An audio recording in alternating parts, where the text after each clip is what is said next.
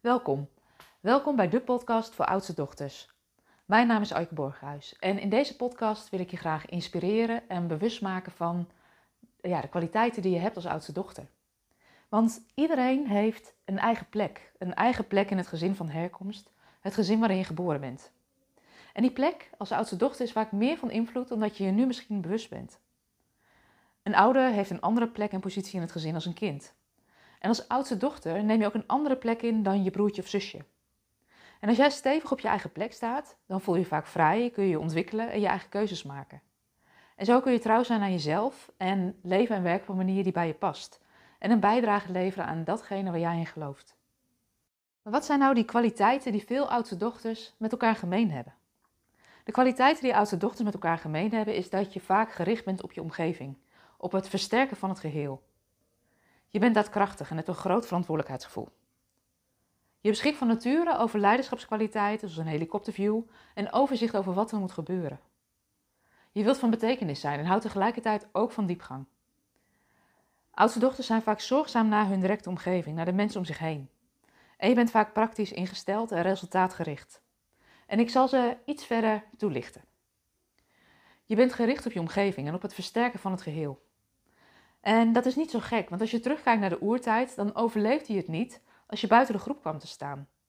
En daardoor doen we onbewust van alles wat er voor nodig is om erbij te blijven horen. Dus ook toen je opgroeide deed je dat. Als er een broertje of zusje geboren werd, deed je er onbewust alles aan om er niet uit het nest gegooid te worden.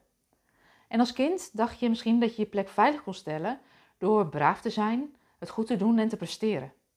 Want dan zouden ze je niet wegdoen, tussen aanhalingstekens.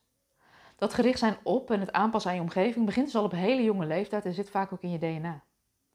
En dat uitzicht bij oudste dochters vaak in ons gedrag. Op school werden we vaak gezien en gehoord als we hard werkten en ons best deden.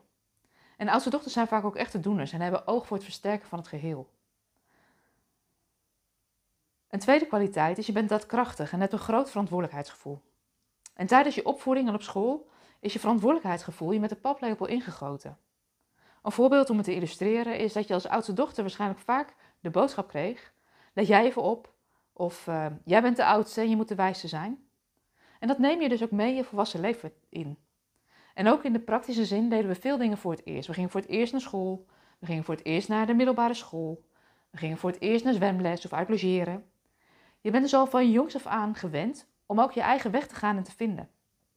En daardoor dragen oudste dochters vaak ook makkelijk verantwoordelijkheid zowel thuis als in je werk. En dat kun je ook goed. Daardoor beschik je vaak van nature ook over leiderschapskwaliteiten. Oudste dochters ontwikkelen van jongs af aan al leiderschapskwaliteiten en zijn daarom onafhankelijk ondernemende vrouwen die graag hun eigen koers bepalen. Je ziet dan ook dat veel oudste dochters met succes een managementpositie of sleutelpositie vervullen in de organisatie waar ze werken.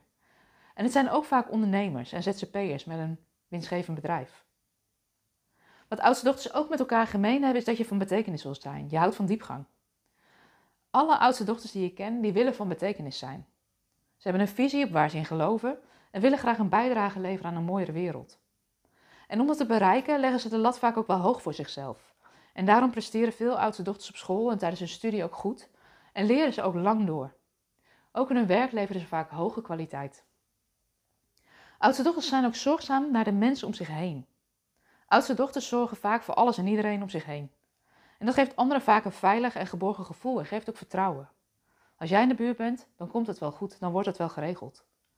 Je hebt overzicht en bent daadkrachtig om dingen ook geregeld en goed georganiseerd te krijgen. Tegelijkertijd zijn oudste dochters vaak ook praktisch ingesteld en resultaatgericht. Wanneer jij iets doet, dan wordt het goed gedaan. Het geeft je vaak ook een goed gevoel als je weer iets op tijd hebt afgeleverd of geregeld. Als er wat moet gebeuren, heeft de oudste dochter vaak ook het overzicht en verdeelt de taken. En als je met haar samenwerkt, weet je zeker dat afspraken worden nagekomen en dat er resultaten worden bereikt. Dat zijn echt wel mooie eigenschappen en dat brengt je vaak ook veel in uh, de keuzes die je maakt en de stappen die je zet. Ik zal hier in de komende podcast nog wat uitgebreider op ingaan, maar dit zijn wel de kwaliteiten die ik je in ieder geval wilde laten weten en uh, die je ook gaat herkennen als je erop gaat letten bij andere oudste dochters. We zijn hiermee ook aan het einde gekomen van deze korte podcast over de kwaliteiten die je hebt als, uh, als oudste dochter.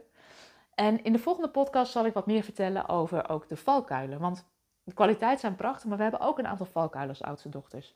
En daar neem ik je graag in de volgende podcast over mee.